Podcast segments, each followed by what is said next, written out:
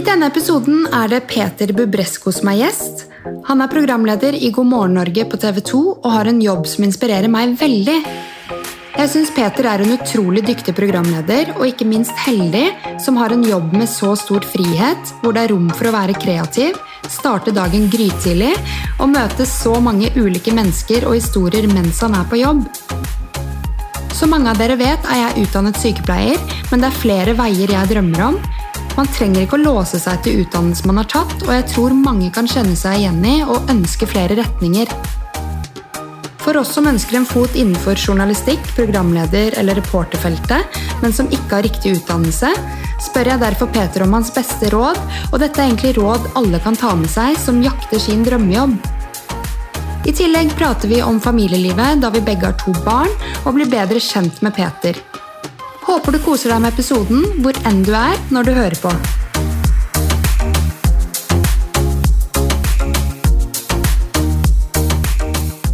Som du vet, så syns jeg du har verdens kuleste jobb. Um, jeg er stor fan av God morgen Norge. Har sett på dette fast i mange år. Starta dagen min med en uh, kopp kaffe. Så jeg har veldig lyst til å høre hva slags uh, utdannelsesbakgrunn du har, uh, og reisen din inn i God morgen Norge. Ja, det skal du få. Hvor langt tilbake skal jeg gå? Start med utdannelsen du har, du. Ok, Ja. ja, Da tar jeg ikke med videregående. Eh, Jeg er jo fra Bærum, der hvor du bor. Mm -hmm. Så jeg gikk jo liksom skole der. Eh, Og så var jeg ferdig med det. Tok X-Fill. Så tok jeg sosialantropologi. Hva er det? Det er liksom at du lærer om andre kulturer. Og det var litt sånn Jeg hadde liksom ikke meldt meg opp på noe, og så var det en jeg kjente som skulle gå på sosialantropologi. Jeg visste nesten ikke hva det var selv, men ja, det er sikkert gøy å lære om liksom, hvordan det foregår i resten av verden. Mm. Hvordan de lever og ordner seg. Og så begynte jeg på det, og så skjønte jeg jo liksom at det er jo litt feil. Og så var jeg jo litt sånn skole her, for da hadde jeg gått mange år allerede, selvfølgelig. Og så begynte jeg rett på universitetet, og så tenkte jeg nei, jeg må ha liksom et gøy år først. Mm. Så da søkte jeg på, eh, eller til, eh, Walt Disney World, den norske paviljongen, som sånn Disney norsk kulturrepresentant der. Og så kom jeg med dit, og så var jeg der et år.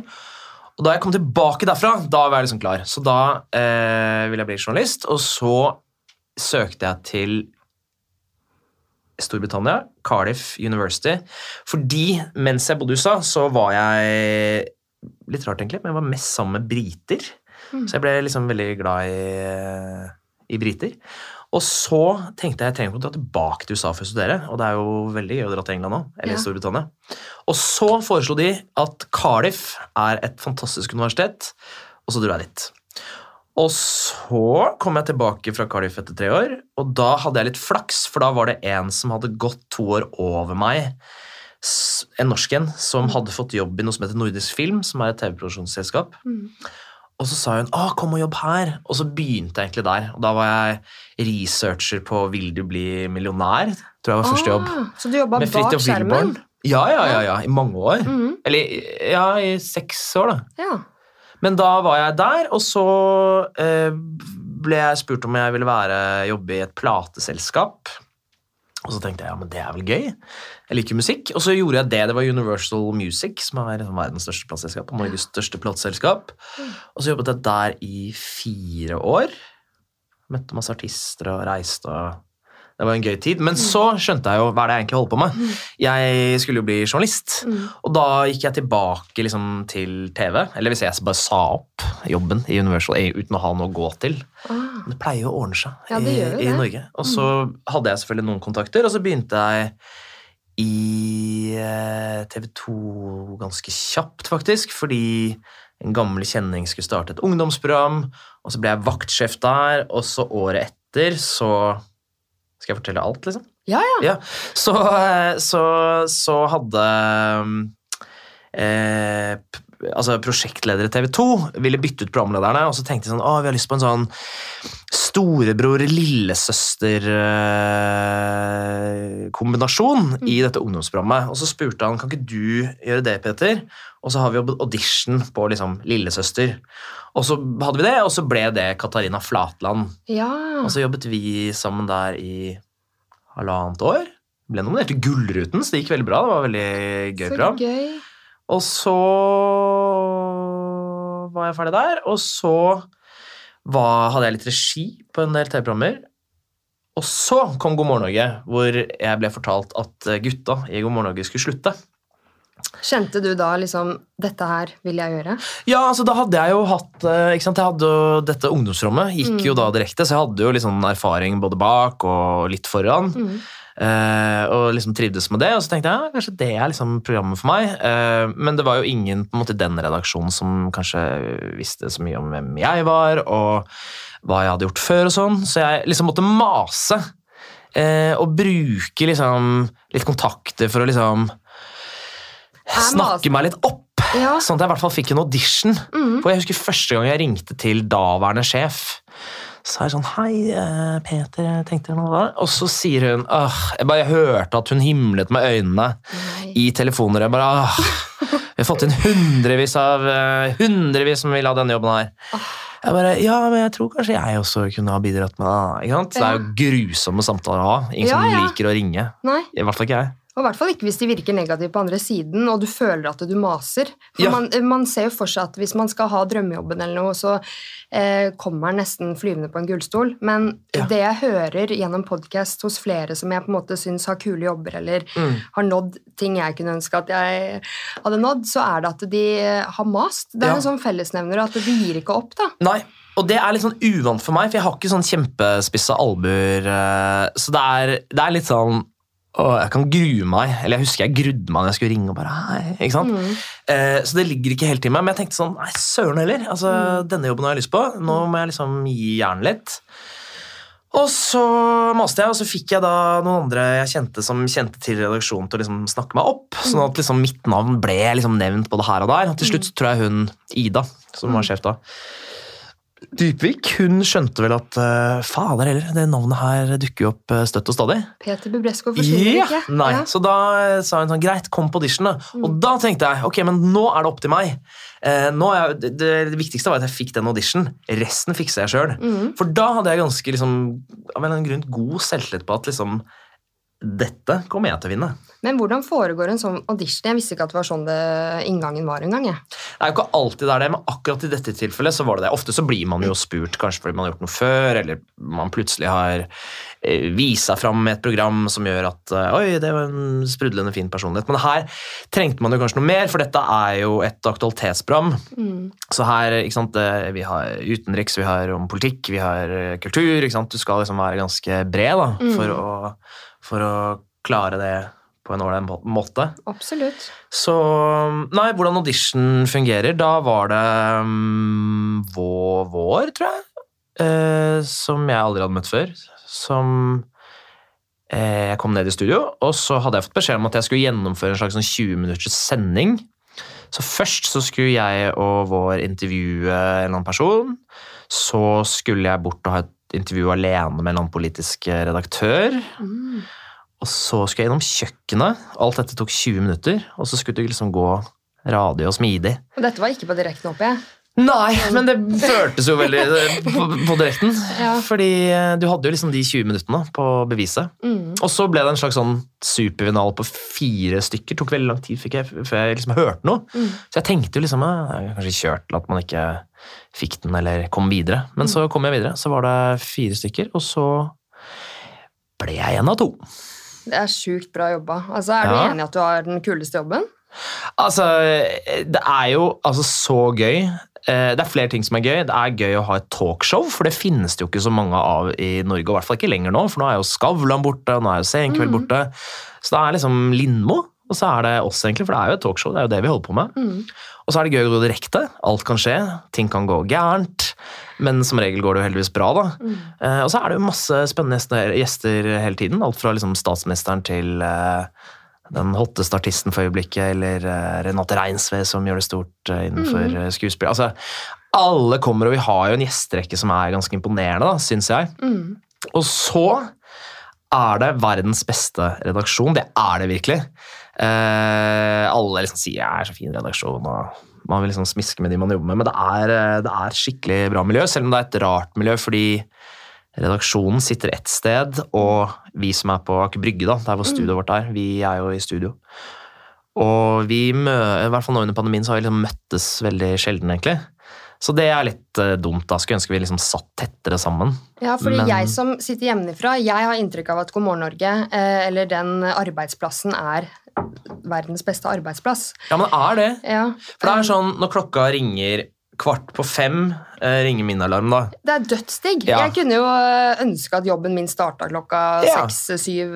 Jeg elsker å stå opp tidlig. Ja, det er jo perfekt. Mm. Men jeg jubler jo ikke liksom høyt når min, når min alarm går av så tidlig. For man er jo litt sånn Å, herregud, hvor lenge skal jeg holde på med dette? liksom? Mm. Men når du kommer ned til den gjengen på brygga, som er liksom vennene dine på mange måter, så våkner du til liv, det skravles, det av og til sladres litt. ikke sant? Det er gøy, og det er så koselig stemning. Og hadde det ikke vært det, så hadde man jo ikke holdt ut et halvt år engang. Hvis det hadde vært dårlig stemning. nei, nei, arbeidsmiljø har alt Ja. å si. Ja. Men jeg er litt nysgjerrig på eh, hvordan det er bak kulissene på at Eh, eh, hvor mye frihet har dere til å eh, styre dagene selv? Hvordan ser en uke ut for deg, på en måte? Nei, altså da er det jo Ta i går, da. Da var jeg på sending. Da ringer alarmen kvart på fem, og så bare helt som en zombie ut i dusjen, og så slenger jeg meg i bilen, kjører ned i garasjeanlegget på Aker Brygge, tar heisen opp i studio. Og så kommer jeg dit, og da er det litt skravling. Men skravling der. Mm. Vi skravler. Det er en skravlegjeng, men det liker jo jeg, da. Ja, for nå har vi jo begynt å se at dere tikker ned fra ett minutt til Ja. sendingen starter, og da ser jeg på en måte at plutselig ti sekunder før sendingen starter, så løper dere inn med kaffekoppen og er sånn Mm. Ja, da var vi på plass. Ja, ja, ja. Og jeg tror vi glemmer at den eh, klokka går, for det har vi liksom glemt at det filmes, det òg. Mm. Nei, og da har vi redaksjonsmøte med produsenten som sitter et annet sted, og så har vi vaktsjef og oss to programledere, hvor vi går gjennom sendingen. Um, gjør forandringer hvis det trengs, bla, bla, bla, og så går vi i sminke, og så er vi liksom på. Mm. Uh, så de halvannen timene fra vi kommer til vi liksom går på, går ganske kjapt. Mm. Og så er det tre timer, da. Og så er vi ferdig, og så har vi et møte etter sending hvor vi planlegger morgendagen, og så går vi hjem. Og så sitter vi og jobber, og da har vi egentlig frihet. Altså, da kan jeg jobbe egentlig med en gang, eller jeg kan vente til kvelden, eller hva enn jeg ønsker, da. Mm. Men fordi jeg har fått barn, så jobber jeg på dagen. Mm. Sånn at jeg liksom er ferdig Eller jeg er alltid, aldri ikke ferdig, da. Men uh, at jeg i hvert fall prøver å ha gjort mye før jeg henter i barnehagen, og Ja. det styret starter. Så etter klokka ti så jobber dere litt, og så slutter dere ganske tidlig? Eh, ja, men det er opp til oss selv, da. Ja, det er Ikke sant? Ja, Ja. da Så dere har jeg- stor frihet. Ja, det vil jeg si. Vi har jo hjemmekontor. Vi lever jo et koronaliv eh, Ja. alltid, egentlig. Men hvor godt må du forberede deg til hver sending? Føler du at du alltid er skikkelig godt forberedt til uh, Ja. gjestene? Ja. Det syns jeg Jeg syns jeg liksom skylder gjestene det, når de gidder å liksom komme og stå opp. Mm. Så er det jo dårlig. Hvis ikke jeg er forberedt og liksom kan deres historie eller vet hva de skal snakke om. eller... Eh, og så er jeg jo opptatt av at det skal bli bra. da. Jeg vil jo at det skal bli et bra intervju hver eneste gang. Mm. Og så er det jo mye morsommere å sitte der og være forberedt og, og kunne ha en fin samtale enn å være sånn «Å, 100 Ikke sant? Ja. Mm. Istedenfor å bare 'Å, gud, hva var dette for noe igjen?' Ja, Og så bare liksom Men finner du noe interessant i alle temaene, eller er det noen ganger du tenker sånn åh, snork, men nå må jeg late som jeg er kjempeinteressert'? ja, Av og til. Av og til. Eh, Men jeg tror jeg liksom skjuler det ganske bra. Ja, jeg Ja. synes jo du eh, Det er jo også derfor du er her, for jeg syns du er kjempeflink i jobben din. Ja, tusen takk. Ja, og, Men eh, eh, er det noen sånne gjester eller eh, dager på jobb som har satt skikkelig spor, som du tenker sånn Det der var en skikkelig bra sending eller veldig bra dag på jobben? Altså Jeg med hånden på hjertet syns vi har ganske bra sendinger eh, ofte. Og det er jo bare honnør til redaksjonen, som jobber liksom hardt med å booke inn veldig bra gjester. Mm. Eh, men altså det er jo sant, det er så mange gjester, og man går jo helt surr i nesten hvem man har hatt, selvfølgelig. Men Mm. Det er jo ofte folk som Sånn som i går, da, så hadde vi moren til eh, en som het Synne, som eh, ble drept på Utøya. Ja. Eh? Som, Mm. som ville fylt 29 år i går. Mm. Så kommer moren på samme dag som uh, rettssaken mot terroristen starter. Sånne Mm. ting gjør jo veldig inntrykk. Ehm, men så er det jo andre dager hvor det er litt sånn sirkus, som da liksom Märtha Louise eh, valgte å snakke ut for første gang hos oss sammen sjaman Durek og hele norgespressen. Ja. Står på brygga eh, og venter, og det er skikkelig hurlumhei. Altså det, det er jo også gøy, selvfølgelig. Men Mm. kan dere velge hvilke intervjuer dere tar og ikke? Er det sånn 'Denne gjesten vil jeg ta'?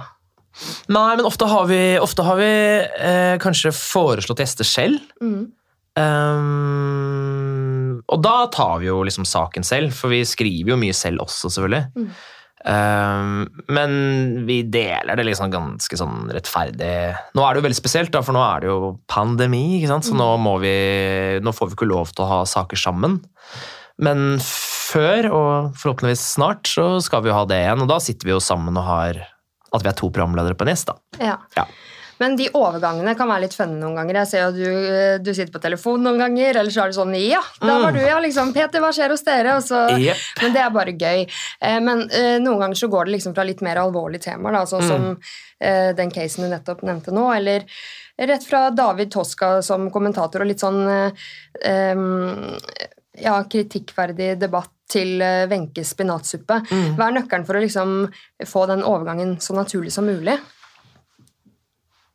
Altså, er det for ekstremt at vi går liksom fra vold og elendighet til eh, spinatsuppe, Ja. så pleier ikke de å ligge etter hverandre. Altså, Vi prøver jo liksom Ja, å prøve, men noen ganger så skjer det jo, og da er det vel bare å være ærlig og si at liksom dette er livet. Altså, Det er uh, brutale skifter både her og i livet. Ja, det er jo det. Det er jo det. Sånn er livet, liksom. Det, er, uh, det, er, det består av mye. Mm. Så da prøver vi bare liksom å være ærlige på det. Vi prøver liksom ikke å eh, Takk skal du ha.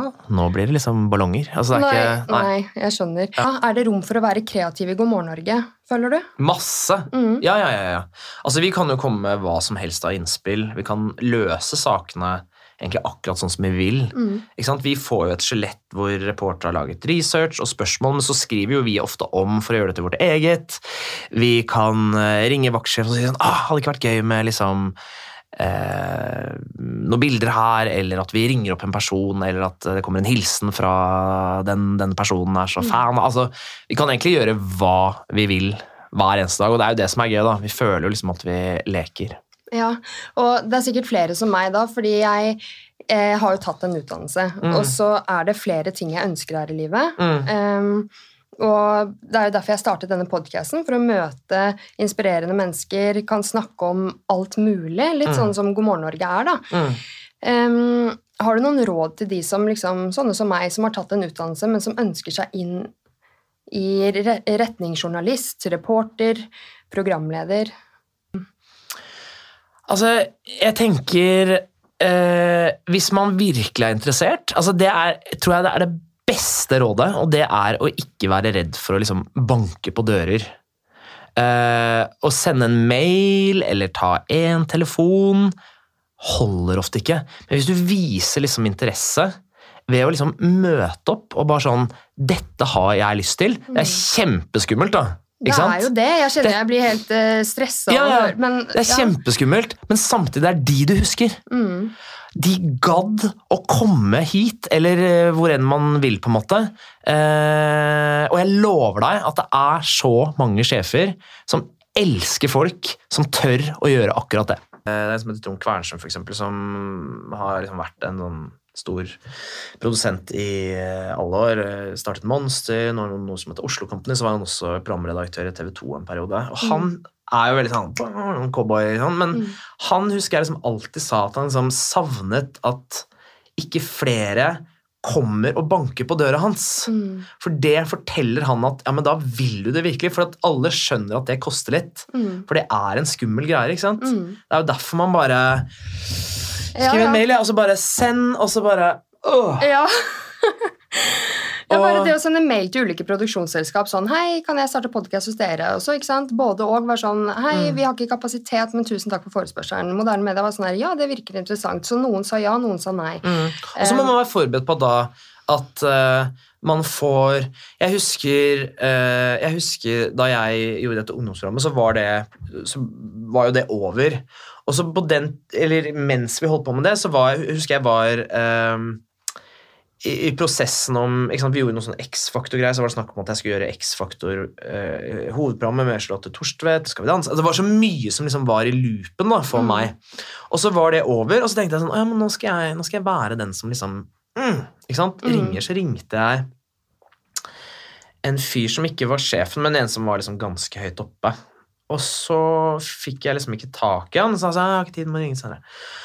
Og sitte liksom hjemme og bare ikke sant? Det er jo dødsskummelt. Og så husker jeg til slutt fikk tak i han, hvor han sier sånn «Øh, Men hva er det du vil, da? Ja. Ikke sant? Det er sånn Nei, gud, hva er det jeg vil? Altså, verdens verste. Og da er det bare lett å bare ah, Ja, det er shit, dette er ikke for meg, liksom. Mhm. Men det eh, Man må liksom tåle å få liksom avslag Mm. uten at det går så inn på en, fordi eh, som sagt, det er så mange tilfeldigheter. Mm. Sånn som da jeg fikk God morgen Norge-jobben, Mm. så var det jo ganske stor sjanse for at jeg hadde fått sånn Du, vet du hva, takk for at du ringer, det er kjempefint dere selv, men vet du hva, vi, eh, vi vet hvem vi skal gå for, eller et, ikke sant? Mm. Men akkurat der og da så var det sånn jeg kom jo inn som et wildcard, Mm. fordi jeg hadde jo ikke gjort den tunge journalistikken før. Mm. Selv om jeg hadde liksom studert politisk journalistikk, så hadde jeg liksom ikke jobbet med det. Mm. Eh, Så, så da var jo jeg et eh, kort som de var liksom usikre på, men så liksom overbeviste jeg på den audition. Mm. Men det var jo også en stor sjanse for at jeg hadde fått den derre Nei takk. Ikke sant? Mm. Og da hadde jo det vært over. Ja. Men det betyr jo ikke at ikke jeg var flink, Nei. eller kunne fått det til et annet sted. Mm. Så man må liksom ikke bare Man må ikke, man må ikke få så innmari knekk i selvtilliten selv om man blir avvist. Nei. For det betyr ikke at man ikke er god. Mm. Det er jo supermotiverende å høre, Mm. men det steget å faktisk begynne, å- begynne å mase For man eh, ser jo på seg selv som en eh, sånn åh, er jeg en byrde nå? Altså, de tenker sikkert eh, La oss si jeg hadde vært sånn herre Jeg vil jobbe i God morgen Norge, om det så er å gi dere kaffe på morgenen, liksom. Mm, Eh, mener du da at det er en mulighet for folk som meg da, eh, til å eh, mase seg i hjel og vise hvor interessert de er, uten å ha tatt den utdannelsen? Ja, jeg tenker det er en mulighet for alle. Altså selvfølgelig eh, kan hjelpe å ha en utdannelse, men det er jo ikke sånn at bare fordi du tar en utdannelse, så er du verdens største talent i akkurat det. Mm. Det kan jo være andre som har kvaliteter som eh, Ok, så gikk det ikke akkurat den veien, men de har kvalitetene. Mm. De er flinke, og så har man interessen. Mm. Men hvilke kvaliteter tenker du er viktige når man skal være programleder, f.eks.? Eh, jeg tenker nysgjerrighet er veldig viktig. Um, nesten det viktigste. Mm. At man er liksom nysgjerrig, oppriktig nysgjerrig på liksom de folkene man møter. Mm. Hvem er du, liksom? Mm. Hvorfor har du blitt som du har blitt? Hvorfor gjør du det du gjør? Eh, for er du nysgjerrig, så er det jo en drøm å sitte og snakke med folk, ikke sant? Ja, det er det. Ja. Og jeg føler på en måte at eh, du får et bedre liv også av å faktisk eh, lære andre å kjenne, og ikke bare eh, tro at måten du tenker på er riktig. Fordi jeg Mm. tenker du som journalist møter sikkert mange hvor du har andre meninger, men Mm. det å forstå hvorfor folk tenker sånn Mm, Fordi din sannhet er jo din sannhet, men du utvider liksom litt måten du Mm. tenker på, og mm, forstår mer av mm. samfunnet, føler jeg, da. Ja. Mm. Og så er det selvfølgelig viktig også etter hvert å Men det lærer man seg kanskje. Altså, noen har jo det veldig naturlig ved at man skjønner hva et godt intervju er. Hva er som er viktig å spørre om her nå. Og hvor skal jeg gå derfra for at dette blir interessant for de som sitter og ser på, eller de som sitter og leser en artikkel. Mm. Hva er det som, hva er liksom kjernen her som, som vi skal få frem? da? Mm. Så det er jo sånn, en liten dans, føler jeg, mm. når man sitter og prater med folk. Fordi i hvert fall i vårt tilfelle så har jo vi eh, si alt fra liksom syv til tolv minutter da, med noen gjester. Ja. Og da vet vi at liksom innenfor de si ti minuttene, da, så skal vi liksom ha en start og et innhold, og så skal vi ha en avslutning, ikke sant? Mm. som helst skal henge ganske bra sammen. ja. Eh, og da må du liksom jobbe litt hele veien, for du vet jo aldri hvis jeg hadde intervjuet deg nå, jeg vet jo aldri hva du Nei, er kommer til å svare. Så det er derfor- jeg alltid må være forberedt, for da mm. kjenner jeg til din historie. Mm. Uh, og så vet jeg at hvis du svarer noe uventet, så vet jeg at jeg alltid kan gå liksom andre veier, eller at jeg kjenner historien godt nok til at jeg kan liksom få deg tilbake dit Ja. jeg ønsker at du skal være. Ja, for når jeg har sittet og forberedt uh, samtalen med deg i dag, så har jeg tatt meg selv i å bare Men jeg vet jo ikke hva Peter svarer til det, så jeg Nei. må på en måte eh, være forberedt på at uh, kanskje vi hopper over tre spørsmål her som jeg har forberedt, og så Ja, ja. må jeg prøve å ro meg tilbake, på en måte. Men, Og så rekker man ikke alltid alt, da. nei, nei, det er sant. Mm. Eh, Og det har vi jo sett på God morgen Norge også, at uh, det lurer jeg på uh, Står det liksom sånn fem minutter igjen? Du har det på øret. Dere har det på øret, ja? Altså Det er en innspillingsleder som viser med fingrene eh, hvor mye det er igjen, og så har du en produsent på øret som uh, maser. Eh, det blir du vant til etter hvert, men de første gangene så er det litt sånn rart, for du sitter, Ja. da sitter du liksom og prater sammen mens du har en stemme på øret, Mm. som kan være litt sånn forstyrrende i starten. Ja, fordi noen ganger så ser jeg liksom Ok, da er det, vi er tilbake etter reklamen, og så Mm. sitter dere og smiler i sånn ti sekunder. Er det da eh, at eh, de som sitter bak, har vært litt treige med å slenge på reklamen, eller er dere for tidlig ute med på en måte å si Nei, som ofte så er vi ikke for tidlig ute. Som ofte så får vi eh, Tiden er ute, tiden er ute! Eh, for vi får veldig sånn Vi får ofte sånn fem minutter. Fire, liksom tre, to, en, 30 sekunder, 10 sekunder. Ut, ut, reklame, reklame, reklame! Liksom. Så de Ja. maser litt. Mm. Eh, så hvis man noen ganger har sånn eh, Man er liksom midt i et svar, og så bare avsluttes med sånn eh, 'Takk for at du kom, vi er straks tilbake'. Da kan du banne på at vi har fått kjeft eh, på øret. Ja, Mm. Men har dere en sjef som på en måte er sånn Du, Peter, i dag syns jeg sendingen at du gjorde litt sånn og sånn, eller Ja, så kan Mm. Hver dag. Oh, ja, okay. Ja, ja. Vi har en eh, Hun er redaksjonssjef. Eh, det er ikke liksom øverstesjefen vår, men eh, hun er redaksjonssjef. Og hun er veldig ærlig, så der må du tåle ganske mye. Men jeg liker jo det, da. Jeg synes jo Det hadde liksom vært for ille hvis eh, vi liksom skulle klappe oss på skulderen for absolutt alt vi gjorde, for da blir vi jo ikke bedre. Nei, ikke sant. Men hun er kjempeflink til å gi ros, så du får det òg. Mm. Men hvis hun syns at denne saken løste du for dårlig, eller hvorfor kom ikke det spørsmålet, hva skjedde her, så får du høre det. Ja. Så du må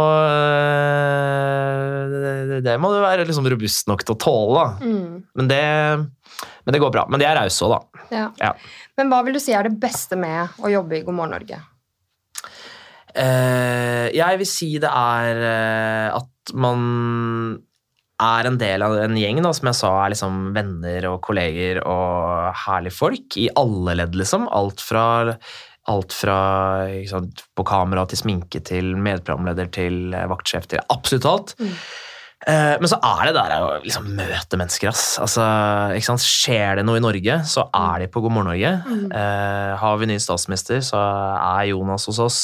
Mm. Eh, har det gått en måned, så kommer han tilbake. Jeg tror folk liker å komme til oss. Eh, jeg tror folk stoler på oss. Syns det er koselig å være hos oss. Eh, og så tror jeg de skjønner at vi behandler folk med liksom, respekt. Det er veldig sjelden vi er ute etter å liksom, ta noen. Mm. Bortsett fra når vi har noen debatter, sånn som Ja. i går om David Tosk og vi er Mm. kanskje litt krassere. Men, men eh, ikke sant? Så alt som foregår i Norge, eh, av liksom hva vanlige folk gjør, til liksom stjernene, til politikerne, Mm. de møter vi, da. Mm. Og det er helt fantastisk. Kjempegøy. Ja, det kan jeg tenke meg. Mm. Eh, men er det noe som er krevende eller vanskelig med jobben? Um, altså, det er jo til tider liksom krevende å gjennomføre gode intervjuer, for det er jo ikke alle gjester som er like flinke til å svare for seg. Noen er jo kjempenervøse, og, og hvor du virkelig må liksom slite litt, da, eller jobbe ganske mye for å For å få liksom, et svar og sånn? Ja, for å liksom komme i havn med et akseptabelt uh, intervju. Men så blir man jo, sant, med, sånn som det er med alle jobber, man blir jo proffer etter hvert. Mm. Uh, og etter hvert så har man jo såpass mye erf erfaring da, at uh, selv en vanskelig gjest ville jo ikke satt meg ut i dag. Nei. Kanskje ville gjort det i starten. Mm. Men i dag har jeg jo liksom møtt så mange, liksom, så jeg jo Jeg føler jeg er liksom forberedt på alt, da. Ja, Så du er ikke nervøs før sendinger? Nei. Så deilig. Ja. Ikke for det her. Altså, jeg har jo gjort andre Jeg har, liksom, jeg har jo gjort noen andre ting før, som jeg var liksom programleder for Artistgalla. Det var også direkte med publikum og bla, bla, bla. Og da er det jo en annen Jeg var ikke sånn kjempenervøs da heller, men da kjente jeg mer på sånn Mm. For det hadde jeg jo ikke gjort så mye av, da. Mm. Ikke sant? Sånne Nei, for jeg sa til samboeren min i går jeg bare, eh, Han bare 'Er du nervøs?' Jeg bare Jeg er ganske avslappa, men jeg er jo litt nervøs, fordi dette intervjuet betyr jo mye for meg. ikke sant? At du har Ja. brukt tiden din på å komme hit. Og Ja, så er ja. liksom Jeg føler jo at jeg kjenner deg, men du kjenner ikke meg. Nei. Selvfølgelig er jeg nervøs, men det er jo bra å være nervøs også, for det viser jo at du faktisk eh, Du skjerper deg. Ja. Ja, ja. Men så er det også, i- hos oss da, så er det også vår, Vi har jo masse nervøse gjester. Og ofte, ofte så blir jeg liksom overrasket at selv, eh, selv kjente folk Mm. kan komme til å være litt nervøse. Bare sånn, hva? Dette er jo liksom det dere gjør. ja. Eh, men da er det også vår jobb, eh, og det bruker vi ganske mye tid på i pausen, med å gå ut i green room og snakke med gjestene og roe de ned, forberede de, sånn at liksom de får en god opplevelse, og at de liksom slapper av og har det fint da, mens de er hos Mm. oss. Ja. Mm. Nei, og når jeg satt og forberedte hva jeg hadde lyst til å snakke med deg om, da, så var jeg litt sånn Skal jeg begynne å stille litt sånn eksistensielle spørsmål og sånn? Og samboeren min var sånn Tina, det folk lurer på, er de enkle tingene. Akkurat sånn som du lurer på. Hvordan det er å jobbe i God morgen Norge. Familieliv. Du trenger ikke å liksom gå så sykt dypt. liksom sånn, Peter, hva er meningen med livet? Nei. Fordi jeg var litt sånn der, Kanskje jeg må stille litt dype spørsmål, liksom. Men jeg, det er jo dette her jeg lurer på. Ja, ja. Hvordan er det å jobbe i God morgen Norge? Ja. Eh, Og jeg har mer lyst til å bli kjent med deg og hva du gjør på fritiden, privatlivet. Mm. Men eh, før vi går over til familieliv, da. Eh, hvis det ikke hadde vært programleder eller God morgen Norge, eh, hvilken retning tror du du kunne tenkt deg da? Ja, Dette er så vanskelig å svare på, faktisk. Fordi eh, når man er et sted, så er det vanskelig å liksom tenke seg noe annet. Sånn som da jeg jobbet i, i Universal Music, så, eh, så, så så visste jeg jo på en måte at det, var, det er jo ikke dette jeg skal holde på med, men jeg synes det var veldig vanskelig å tenke meg et liv utenfor det. Fordi ja, ja, så jobber jeg her, da, her jeg får lønnen min og ikke sant, sånne ting. Um, men, uh, men altså jeg har jo ikke vært programleder alltid. Jeg har jo jobbet masse bak kamera også. Så det er jo ikke fremmed for meg å gjøre andre ting. Men hvis jeg ikke skulle være programleder nå og det, altså det er jo ingen som er det til evig tid. Nei. Så jeg kommer jo heller ikke til å være det resten av livet mitt. Sånn funker det jo ikke. Det må man jo bare innse og være forberedt på. Eh, Men jeg har jo tenkt hvis jeg skulle liksom ikke være det nå og slutte, så hadde det jo vært spennende å liksom gjøre noe helt annet. I og med at jeg har vært liksom i journalistikk, TV, siden jeg var ferdig med universitetet. Men hva det er, det vet jeg ikke. Nei. Nei, men det er et ærlig svar, det. Eh, men vi begge har jo to barn. Mm. Um, Kan jeg bare si en ting først? Altså, selv om vi nå prater om min jobb, Ja. så må jeg bare si at din jobb Ja. er liksom så utrolig viktig. ja, Det må du ikke jo- glemme. Nei, Tenk ikke glemme alle som bare takker uh, Gud, holdt jeg på å si, for uh, sykepleiere. Ja, jeg vet, men jeg føler at det er sånn evig kamp eh, for å få det slik vi ønsker, og vi Ja, det får skjønner jeg. applaus på verandaen, liksom, men så Men er det det holder høyere ikke. lønn vi vil ha, og Ja. så Og det burde dere få. Og det gjør at motivasjonen liksom, Du er ikke motivert for å stresse deg i hjel på jobb Mm. eh, og ikke få utløp for de tingene som er viktige, f.eks. eldreomsorgen, Ja. eh, som jeg elsket Mm. når jeg jobbet fem år på sykehjem. Det var sånn Du har jo nesten ikke tid til å sette deg ned og prate med pasientene, og du har så mye dårlig samvittighet. Eh, Mm. Ja. Og jeg tilbød til og med lederen min å hente møbler på Finn og male utenom jobb, eh, men det er jo ikke rom for den kreativiteten heller. Nei. Så du mister liksom litt sånn driven til å bare Å, jeg skal være sykepleier hele livet mitt. Um, så som jeg skrev til deg, så håper jeg jo at podkasten kan åpne nye dører til andre ting jeg syns er spennende på sikt. Og det er jo synd at de mister sykepleiere, men det vet de. Mm. Det har vært så mye fokus på at uh, vi kommer til å mangle 30 000 sykepleiere i ikke sant. 2030, eller hva det er for noe. Mm. Så ja, det, men jobben er viktig, og takk for at du sier det. Men eh, jeg er litt sånn som har lyst til flere Mm. Ja, ting, da. Mm. Ja. Men ja, vi begge har to barn. Ja. Og mine gutter er det to år imellom, men du startet jo rett på eh, med tobarnsforeldrerollen, for du har tvillinger. Mm. Eh, har foreldrerollen forandret deg noe som person, eller eh, ja, noe i deg? Ja, det vil jeg si. Altså, jeg har jo jeg har en gutt og en jente. De ble født i lille julaften 2016. Eh, da gikk jeg jo på en måte fra å være liksom den eneste liksom, stjernen i livet mitt, eh, bortsett fra kjæresten min, da, eh, til å liksom få ansvar for to nye verdensborgere. Og det gjør jo noe med deg, liksom. Da handlet det ikke om meg lenger. Det handlet jo liksom om dem. Eh, og jeg husker at jeg var jo usikker om var, jeg, Det var ikke sånn at det var liksom gitt at jeg skulle få barn. Og jeg har liksom tenkt at uh, ja, ja, hvis jeg ikke får det, så blir det jo et fint liv uansett. Jeg hadde egentlig kanskje tenkt at jeg ikke skulle ha det. Ja. Eh, men så var det kjæresten min som veldig gjerne ville ha det. Og jeg ville jo ha det, jeg også. ellers hadde jeg jo ikke vært med på det. Men, men jeg har vært eh, Jeg vet ikke om jeg er overrasket over hvor godt jeg liker det. Å være pappa. Mm. Å ha de to. Altså, jeg elsker det. Ja, Så det, den endringen har vært veldig positiv i ditt liv? Ja. Mm. Altså, mye slit òg, selvfølgelig. Ja. Alle som har barn, vet at det er jo ikke rosenrødt hele tiden. Det er det jo ikke. Virkelig ikke. Men eh, Nei, jeg er liksom eh, Eller jeg er glad da, for at jeg liksom liker det så godt. Mm. Og at jeg syns det er skikkelig Det å sitte på første liksom, rad og liksom være med på å se to eh, små liksom, spedbarn bli til liksom, mennesker, er jo helt eh, fantastisk. Ja, det er det. Og overveldende. Ja, Ja. og skummelt. Skummelt, sårt, overveldende. Eh, altså, man blir kjent med seg selv, men Ja. jeg da på så mange Ja. ulike måter. Men var dere med på fødselen? ja. Ja.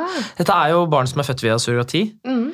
I California. Eh, vi har vært med på absolutt hele prosessen. Vi var jo i California Altså, i 2016 var vi der eh, ganske mye. Og fulgte opp, og Så jeg klippet navlestrengen, jeg. Å, herregud. Mm. Men eh, virka det sårt for eh, hun som fødte de, å på en måte gi de fra seg? Eller var det naturlig Helt naturlig. Altså, dette er eh, Dette er eh, Altså, surrogati i USA er jo, i hvert fall i California, er jo ganske normalt, Ja. ikke sant?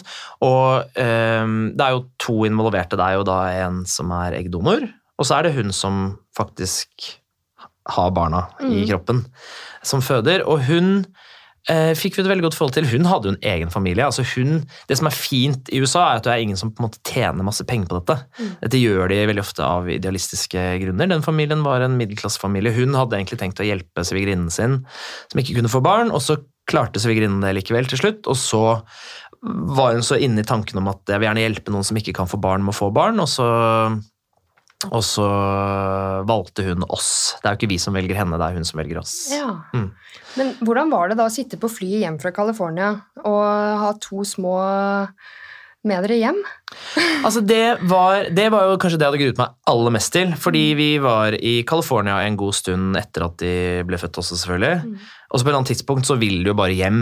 Du har jo to bitte små. Altså Marie var to kilo da hun ble født. Sebastian var tre. De var jo små, ikke sant? Og her sitter vi i en leilighet i riktignok en fantastisk eh, vakker by i California, men bare sånn Skjer det noe, så er helsevesenet rådyrt, og du bare Mm. du vil hjem da, til det trygge. Men jeg hadde grudd meg til den flyturen, for det var jo en lang flytur fra San Francisco til London først, og så London og Oslo Mm. med de to små. Så jeg husker vi hadde Vi hadde, vi hadde liksom unnet oss eh, business for å liksom ha det komfortabelt. Ja. Jeg husker jeg kom inn på flyet eh, i San Francisco med de to, liksom. Og så Da var vi sistemann om bord, og så satt liksom alle andre på business. og de som reiser med det, kjøp, altså de bruker jo ikke penger på billetter for å ha to skrikeunger ved siden av seg. Det er jo det verste som kan skje, ikke sant? Ja. I så mange timer. Så jeg husker jeg kom inn og bare I'm so sorry, liksom. For det var mye skriking. Nei, det var det det ikke ble, da. Men jeg bare In advance, we're so sorry.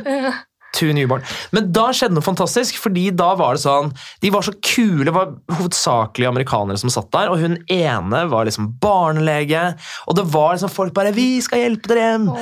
Eh, så det ble veldig fint, og så sov de jo hele veien. Så det var jo en bekymring som var helt uh, ubegrunnet. Det gikk jo så fint. Ja, så digg. Ja. Nei, det, de sover jo ofte veldig godt i, helt i starten, Ja. og så frykter man jo kolikk, eller at det skal uh, bli Det fikk vi. Dere fikk det òg, ja. Marie fikk eh, kolikk. Hvordan hun, håndterte du det? Nei, hvordan håndterte jeg det? Det var jo eh, Hun skrek altså Det som var bra, var at hun skrek altså Hun kunne jo sette, stille klokka etter det. Hun skrek fra noen, mellom fire til åtte. Men hun skrek ikke på natta, Okay. så det reddet oss. Mm. Eh, hadde hun gjort det, så hadde det vært katastrofe. For det er jo det det handler om. Mm. Få den søvnen. Men hun skrek ofte fra fire til åtte. Eh, det var ikke noe gøy, det heller. for det var jo slitsomt. Men så blir du litt sånn immun. Og det merker jeg jo nå også, hvis jeg besøker folk som har fått barn. Så er ofte folk litt sånn flaue. 'Å nei, hun skriker.' Og så Ja. blir de så stressa for det. Mm. Eh, og da pleier jeg bare å si sånn Vet du hva, det må du ikke tenke på. Altså For det første, det er helt naturlig. To, jeg har hatt kolikk. Jeg er immun. Altså Hun kunne skreket 100 ganger sterkere. Ja. jeg hadde ikke tenkt på det engang. Jeg hadde bare fortsatt å prate. Ja. Nei, det jeg gjorde, var at eh, man blir jo helt sånn det må stoppe. Mm. Så jeg var jo eh, hos liksom, osteopat, kiropraktor Altså en, en skotsk tungeekspert husker jeg var hjemme hos meg. Eh, altså alt! ja. Og så husker jeg jeg møtte en som hadde hatt et barn med kolikk, som sa vet du hva, du må bare slutte å prøve å liksom fikse det her. Mm. For det beste rådet er det går over. ja. Og nesten på dagen, tre måneder, så gikk det over. Å, herregud. Så det løste seg jo. Det er jo det vi alle frykter, men man kommer seg gjennom det. Men det har mye å si for den der barselperioden, på en måte. da. Mm. Eh, gjorde dere gode forberedelser i forkant, eller tok dere det som det kom? Ekstremt gode forberedelser. forberedelser. Ah, hva da? Nei, hva gjorde vi ikke? Altså, vi, eh, ingen av oss gikk jo gravide, så vi hadde jo på en måte all verdens tid til å forberede livet etter fødsel. Mm. Eh, for det merket jeg jo på jenter jeg kjenner, eller den barselgruppa jeg var i, at eh, I hvert fall mitt inntrykk, at jenter, særlig når de føder for første gang, gruer seg veldig til selve fødselen. Mm. Så de planlegger fram til fødselen, og så har de kanskje ikke tenkt like mye på hva som kommer etterpå. Og så blir det et sånn veldig sånn stort sjokk. Mm. Men vi trengte jo ikke å tenke på det, eh, eh, i og med at vi ikke skulle føde. Så da brukte vi all tid på å liksom forberede oss ved å liksom lese bøker, kjøpe inn alt. Altså, alt var klart. Altså, jeg hadde ikke trengt å gå ut av det huset på et år. Jeg hadde liksom mat Absolutt alt var kjøpt inn til enhver situasjon var liksom tenkt på. Ja, men jeg, jeg føler på en måte at jeg forberedte meg veldig godt, men at man egentlig eh, ikke kan forberede seg godt nok. Ja, det er sant. Eh, Fordi sjokket ble stort selv om vi hadde de pratene at vi skal fortsatt klare å være kjærester, og vi skal gjøre Mm. sånn, vi skal gjøre sånn, Mm. og så likevel Men vi hadde forberedt det òg, faktisk. Ja. For vi hadde eh, Nå sier jeg ikke at liksom alt gikk eh, terningkast seks her, altså. Nei, nei. For at man vet jo ikke hva slags barn man får, og, og når man får barn, så selv om han har forberedt seg, så folk aner jo ikke hva vi holder Vi vet jo ikke hva vi holder på med når det er første gang. Nei. Det gjorde ikke vi heller. Men det vi gjorde for å liksom bevare parforholdet, var at vi faktisk eh, hadde en sånn dame som eh, Altså, vi tok en personlighetstest hver. Åh, Og så hadde jeg en samtale med henne først. Dette var før de ble født. Før, mm. ja. Og så hadde kjæresten min en samtale med henne, og så kom hun hjem til oss, og så gikk hun gjennom våre to profiler, mm. Eh, og så sa hun ikke sant? Nå kommer livene deres til å forandre seg. Her kommer det to nye inn, og det blir ikke det samme som før. Eh, så når du tenker sånn, så vil du tenke sånn. Det må du være obs på. Du har den personligheten, du har den personligheten, og når liksom noe skjer, så kan det være en konflikt. Der, der, der. Så vi liksom prøvde å forberede oss litt der òg. Ja. Ja, men har det hatt effekt i etterkant? Eh, ja Altså det, det, jeg, jeg kan ikke si jeg husker liksom alt som ble sagt på det møtet, men jeg tror det liksom gjorde en liksom bevisst på at vi liksom hadde snakket om At man var forberedt på at liksom dette, kan, dette blir tøffere enn eh, sånn det var før. Det blir liksom mindre søvn, det blir eh, mindre alt, egentlig. Mm.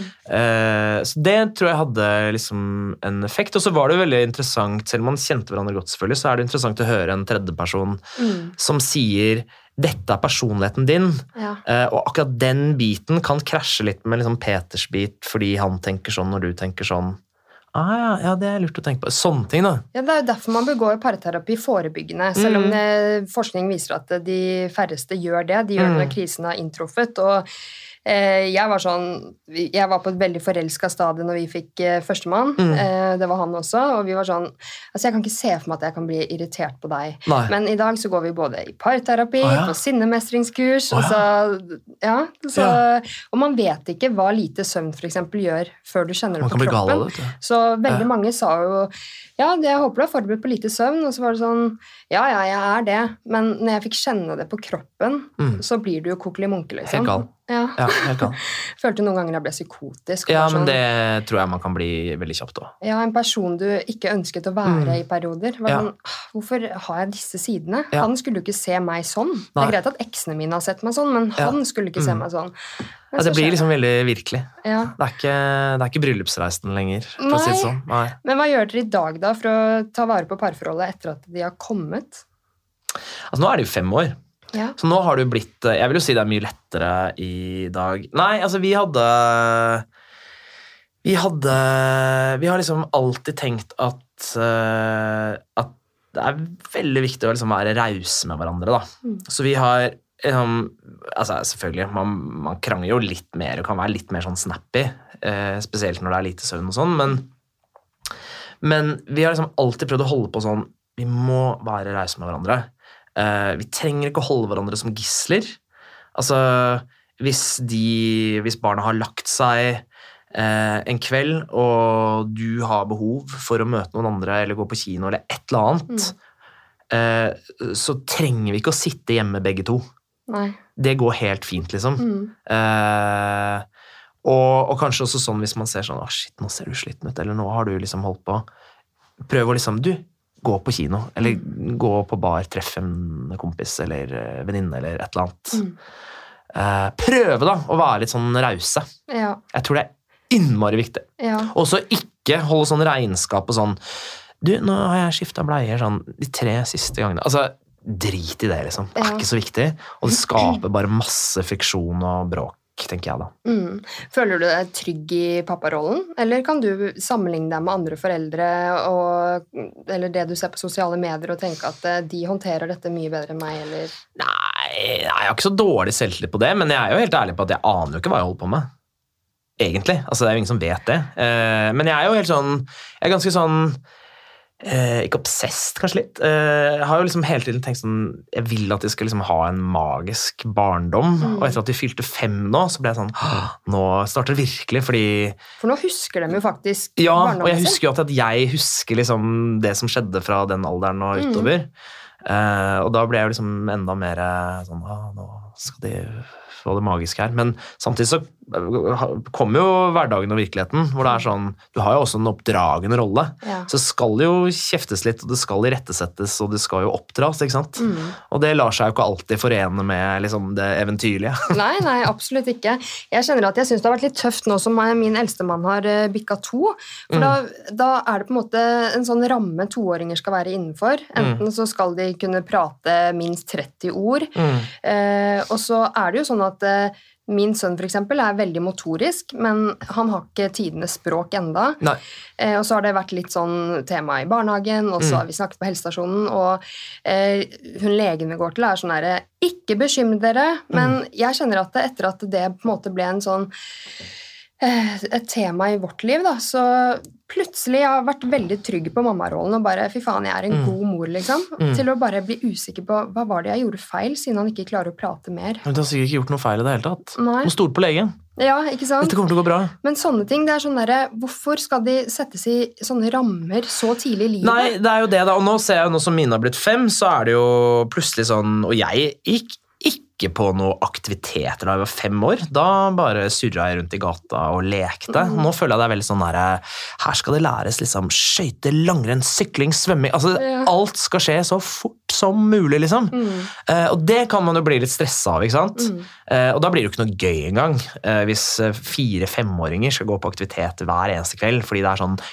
kappløp ja. om å lære seg alt fortest mulig. Mm, Men man kan jo bli veldig påvirket, og jeg, eh, mine barn kan f.eks. ikke sykle ennå. mm, Eh, og så, ikke sant, i sommer så sa jeg sånn Nei, gud, jeg kan tre sykler ikke sant? Da blir man sånn Husker jeg gikk hjem og bare sånn Ok, eh, vi må til sykkelbutikken, liksom. ikke sant? ja. For her er det en treåring i gata som sykler. Eh, vi er ikke i nærheten. Nei. Her er det bare bang, bang, bang. Men man må slappe av på litt sånn nå, tenker jeg. Ja, men eh, Takk for at du sier det, fordi jeg, jeg føler på en måte at eh, den alderen er man så ulike. Mm. Eh, Men samtidig så skal de passe inn i en sånn derre bås. Og så Mm. hvis ikke de gjør det, så er det noe gærent. Mm. Eh, Men Men det er det jo ikke. nei, det er jo ikke det. Nei, altså, nei. jeg tenker Det har gått bra med så mange før vi visste om at man skal gjøre sånn og sånn og sånn og sånn Ja. eh, tidligere, liksom. Altså, som sagt, jeg gikk aldri på noe kurs Mm. da jeg vokste opp sånn så tidlig. Jeg kan gå langrenn, jeg kan stå slalåm, jeg kan sykle, jeg kan svømme. Jeg kan jo alt jeg skal Mm. Ja, kunne man uansett. seg det Man gjør jo det. Ja. Liker du å få råd? Eller føler du at du kan best selv? Eh, altså, jeg kan godt få et råd, men jeg tenker at uh, råd uh, ja, er sikkert vel og bra, det, men det er litt sånn tullete også, fordi det er så innmari mange råd. ikke sant? Så sier Alexander, Man bombarderes med råd fra liksom, mammapoliti til bøker til TV, sosiale medier dun, dun, dun, Mm. sånn, sånn, sånn. Men så er det sånn, det som funker for ditt barn, funker jo kanskje ikke for mitt barn. ikke sant? Det er jo forskjellig. Det er jo alle barn er jo ulike. Mm. Eh, og så tror jeg bare man blir helt sånn sprø av de rådene Mm. eh, til slutt, hvis det blir for mange av dem. Så jeg tenker til folk som skal ha barn eh, Hvis det er noe sånn veldig liksom, godt råd Du, vi brukte den her, det hjalp. Altså, ja ja, det kan man gi videre. Mm. Men å liksom bombardere liksom, førstegangsmødre eller fedre med masse, masse, masse, masse råd som tror jeg man skal være flink til å liksom, holde seg litt unna. Jeg tenker hvis man bare gir For det går bra. Ja, det gjør det. Ja. Og hvis man Så ganske mye til Ja, for å fucke opp. ja, det er faktisk sant. Ja. Så lenge de får kjærlighet, og um, at de føler seg trygge, så føler jeg at du kan oppdra på hvilken måte du vil. på en ja, måte. Eh, Er det noe du tenker er um, um, Hva er den viktigste jobben som foreldre, vil du si? Jeg vil nesten si det å gi kjærlighet og trygghet, ja. Mm. Og, og liksom trygge liksom, rammer i en hverdag. At de Jeg tenker eh, Jeg aner jo ikke hva de kommer til å bli når de blir store. Eh, de kan bli jo skal de selvfølgelig få lov til å velge selv. Det er også et problem noen ganger, da. At liksom, foreldre har en sånn idé om hva de skal bli. Og så kjenner vi det jo ikke ennå. ikke? Selv om jeg har den interessen, så er det ikke nødvendigvis at de har den samme interessen. Nei. Så det må de velge selv. Eh, men det jeg har lyst at de skal bli, eh, det er det aller viktigste. Ikke hva de blir, men jeg har lyst at de skal bli to mennesker som andre folk liker. Mm. Og at de kanskje skal like seg selv også. Ja. Mm. Mm. Ja, det er veldig godt sagt. Det er, eh, jeg tror- At de er liksom ordentlige folk. Mm. Snille, greie, høflige, fine folk, liksom. mm. Som, eh, ja, som er trygge på seg selv. Ja, fordi når man ligger i grava, så er det ikke sånn at man blir husket for hvor mye penger man hadde, eller eh, Det er liksom hvordan du var som person. Så Ja, det vet man jo selv også. ikke sant? Man har jo vært øh, si student med mindre penger, og så blir man voksen, og så får man kanskje en romsligere økonomi, og så bla, bla, bla. bla. Men når man sitter sånn og tenker, så er jo ikke det det handler om. Når Mm. er du mest lykkelig? Det er jo ofte relasjoner som Mm. gjør deg lykkelig, enten det er familie eller øh, venner. Sånn er det for meg. liksom. Når er jeg på det absolutt lykkeligste? Er det hvis jeg er på en sånn sitter i et fint hus eller har kjøpt meg en ny sofa. Det er jo ikke det. Det er jo hvis jeg har det liksom gøy med venner eller eh, familie. ikke sant? ja, det var faktisk et spørsmål jeg hadde lyst til å stille deg i dag, som er det, det dypeste. Det var Wow. liksom hva er lykke for deg, da, men nå har du jo sagt det. Mm. At det er de, de situasjonene der, og ikke når du sitter Ja. i en dyr sofa, på en måte. Nei, nei. Så, um, men utenom jobb og utenom familieliv, så har du jo litt fritid. Mm. Og um, hva liker du å bruke fritiden din på? Altså, nå er vi sånn veldig sosiale folk. Eh, selv om jeg landet på introvert når jeg tok sånn personlighetstest, faktisk. Men eh, Jeg føler mange gjør det. ja, De tror de jeg er ambivert tror jeg var. Litt Ja. av hvert. Ja. Men skulle jeg liksom måtte velge en eh, boks, så er jeg introvert. Og jeg er enig i det. Jeg trives i eget selskap og kan godt sitte hjemme alene en hel kveld uten å Jeg kan godt stirre i veggen jeg, og bare tenke. Men, eh, men vi er ganske sosiale, så vi har jo et sånn hus hvor døren alltid er åpen. Kan godt ta med folk hjem fra barnehagen hver dag hvis man vil, eller venner bare kommer på hverdagsmiddag. Så vi liker den, det livet der, da. Eh, Så vi bruker jo liksom mye tid på venner. Henge, ha det gøy, le. Altså, det er viktig i livet. Mm. At ikke ting blir altfor uh, seriøst. Og så eh, prøver man jo liksom å Jeg prøver å trene litt, da, selv om ikke alltid det går like bra. ja, det har jeg sett. Ja, men det ser nok mer imponerende ut enn det faktisk er, altså. Ja, ja, ja, Mm. for Jeg ville høre om du hadde noen hobbyer eller eh, aktiviteter du bruker mye tid på. da, når du... Ja, nå går jeg mye langrenn. Jeg er veldig glad i å gå langrenn. Det gjør jeg faktisk en del av. Eh, men jeg har ikke noen hobbyer. Jeg har alltid hatt en sånn livslang drøm om å lære meg å spille piano. Men det husker jeg tenkte da jeg var 16 også, og det har gjort noe med det da jeg var 16. Ja. Så øh, kunne jeg vært en liten Chopin nå, kanskje. Hvem vet? Mm. Men jeg utsetter og utsetter det. Så jeg kan fortsatt ikke spille en tone. Nei, men det er jo aldri for sent. Så det, jeg har bare skjønt at hvis du virkelig vil noe, Mm. så får du det til. Mm. Ehm, så hvis det er sånn at du har den høye drømmen om å lære deg å spille piano, så Kanskje ikke vil det nok, siden det ikke skjer. Nei, siden da hadde du prioritert det, på Ja. en måte. Ja. Men eh, ja. Eh, Men jeg har jo googlet meg frem til at du er 46 år. Mm. Eh, Jeg syns jo du ser mye yngre ut. Ja. Men jeg har møtt flere på min vei som er i 40-årsalderen, og de sier ofte at det er den beste alderen, fordi da har de funnet seg selv og er trygge på seg selv. Mm.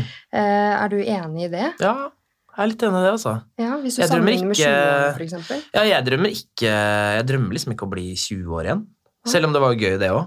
Men da er det jo mye mer sånn usikkerhet. Nå har du liksom, Man har gått gjennom så mye, man har møtt så mye folk at man er eh, Man er liksom proffere med livet, føler jeg. Mm. At man eh, man, eh, man tar seg liksom ikke nær av ting på samme måte. I hvert fall ikke gjør jeg det. Mm. Eh, på samme måte, eller man eh, Nei, man er litt sånn stødigere. Man føler seg litt sånn mer sånn planta, og det er en sånn veldig deilig følelse. Eh, og så er man fortsatt liksom eh, ung nok til at man fortsatt eh, har det gøy. Eller sånn, Mm. det skal jo ikke stoppe opp. Mm. Og vi er vel kanskje liksom yngre nå enn våre foreldre var da de var på samme alder Ja, den gangen. når jeg ser bilder av liksom Ja, ja, ja. så er det sånn, de ser ut som at de er 98 når de er 18 og sånn. Ja, Så er sånn ja. ja, Og sånn har det blitt. Og så er det jo litt hva du gjør det til òg, da. Altså sånn, eh, man må liksom bare finne sin uh, vei. Altså, vi liker å oppleve ting og gjøre ting, og uh, er selvfølgelig mye av det med barna. Gleder oss til å begynne å reise med barna. Eh, vi var i Gran Canaria, ikke at det er så spennende reisemål, men det er i hvert fall sol og varme. Mm. Nå i desember, og det var liksom første gang vi følte at oi, nå kan vi fire begynne å reise på en helt annen måte, fordi Mm. de har blitt større. Mm. Så det ble liksom en ferie for alle. Før så har det vært litt sånn Har dere testa å reise med barn før det? Ja, ja. Har det gått bra, eller Nei, er det stress? vi reiste da de var ett år. Da følte jeg at det var sånn Vi kom hjem i null. I beste fall, liksom. Og det var liksom bortkasta penger, egentlig. Ja. Selv om eh, For da var de så små. Og så reiste vi Ja, vi reiste et par ganger. Men vi har jo stort sett vært i Norge. liksom Vært på hytter og bare gjort det enkelt. på en måte. Ja. Men nå tenker jeg at vi er klare for å ta liksom steget ut i den store verden igjen. Hvis Mm. pandemien tillater det. da. ja, fem år virker som en veldig fin alder.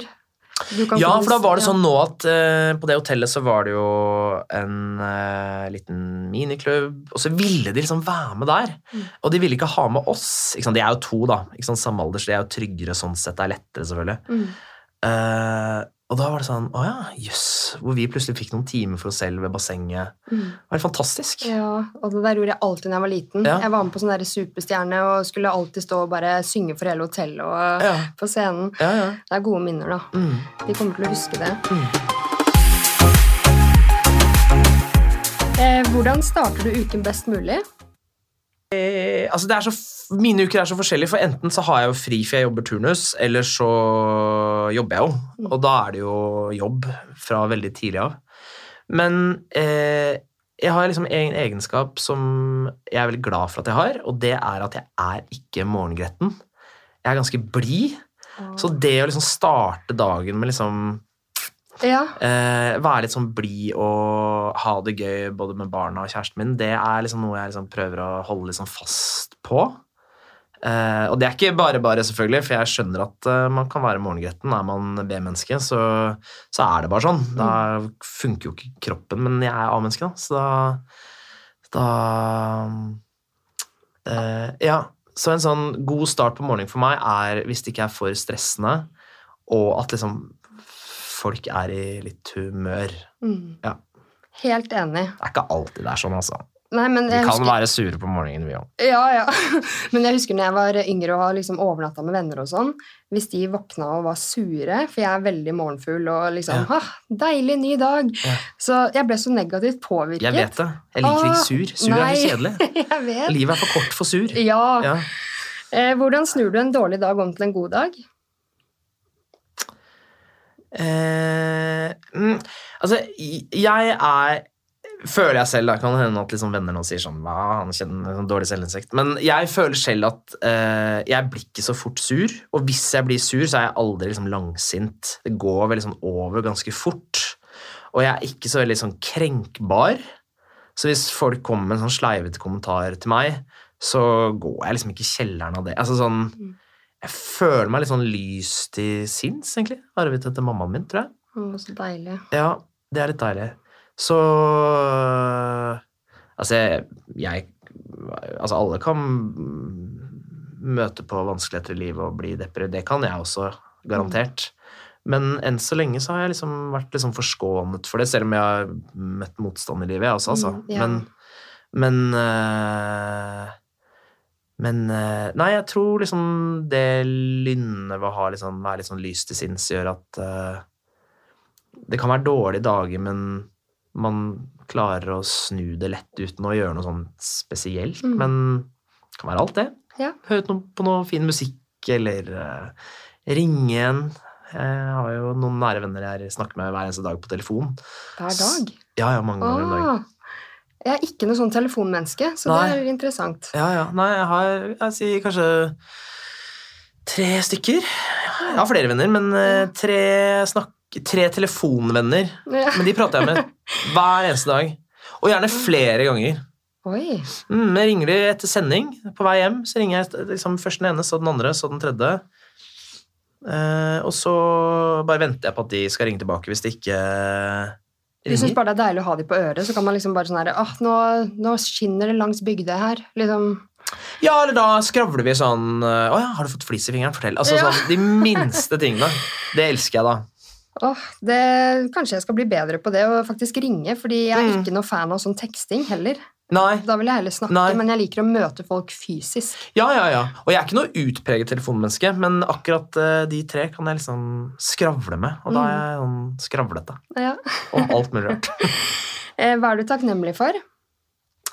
Uh, jeg er takknemlig for uh, yes, eh, Altså, det er jo som sagt eh, Jeg har jo mistet moren min. Altså, det er mye som har skjedd i livet mitt som ikke har vært bare enkelt. Men jeg tenker jeg velger å være takknemlig for det som er fint, og da syns jeg det er liksom mye som er fint. Jeg har aldri, jeg har aldri tenkt at livet bare er perfekt. Mm. Og det gjør at man kanskje ikke blir så skuffa heller. Jeg har aldri tenkt at liksom alt er perfekt til enhver tid. Eller jeg forventer det ikke. Mm.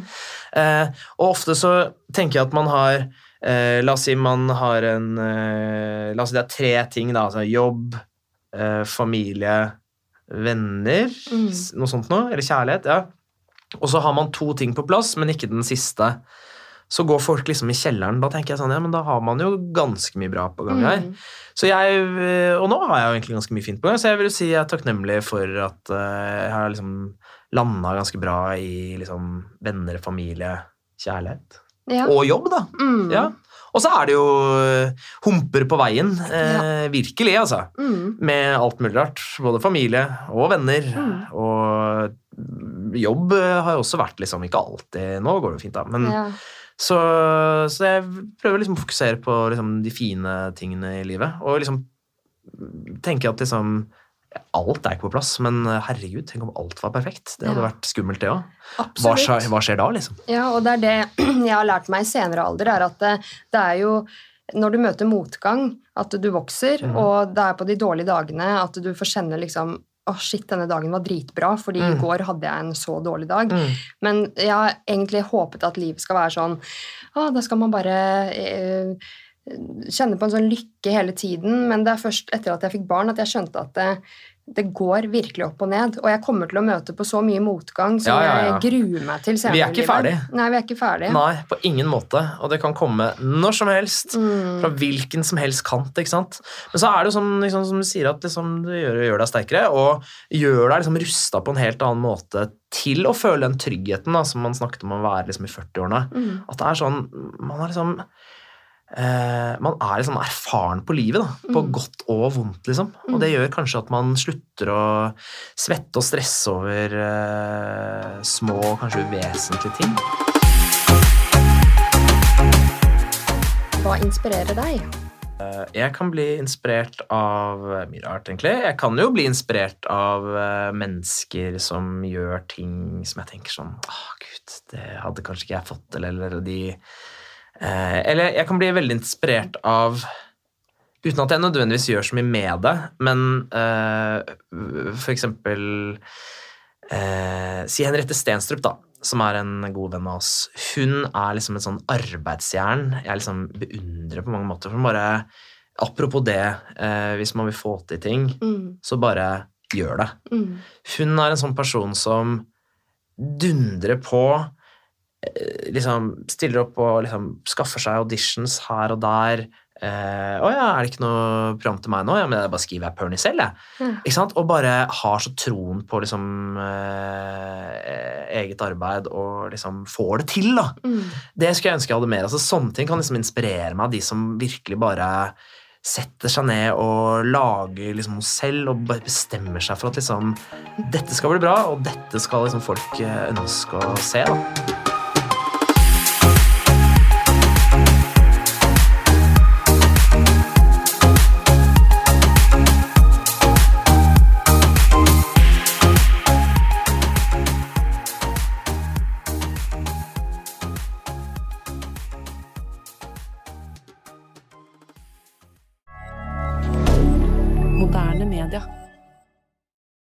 Har du et enkeltpersonforetak eller en liten bedrift?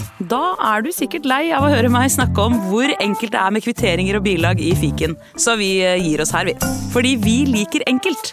Fiken superenkelt regnskap.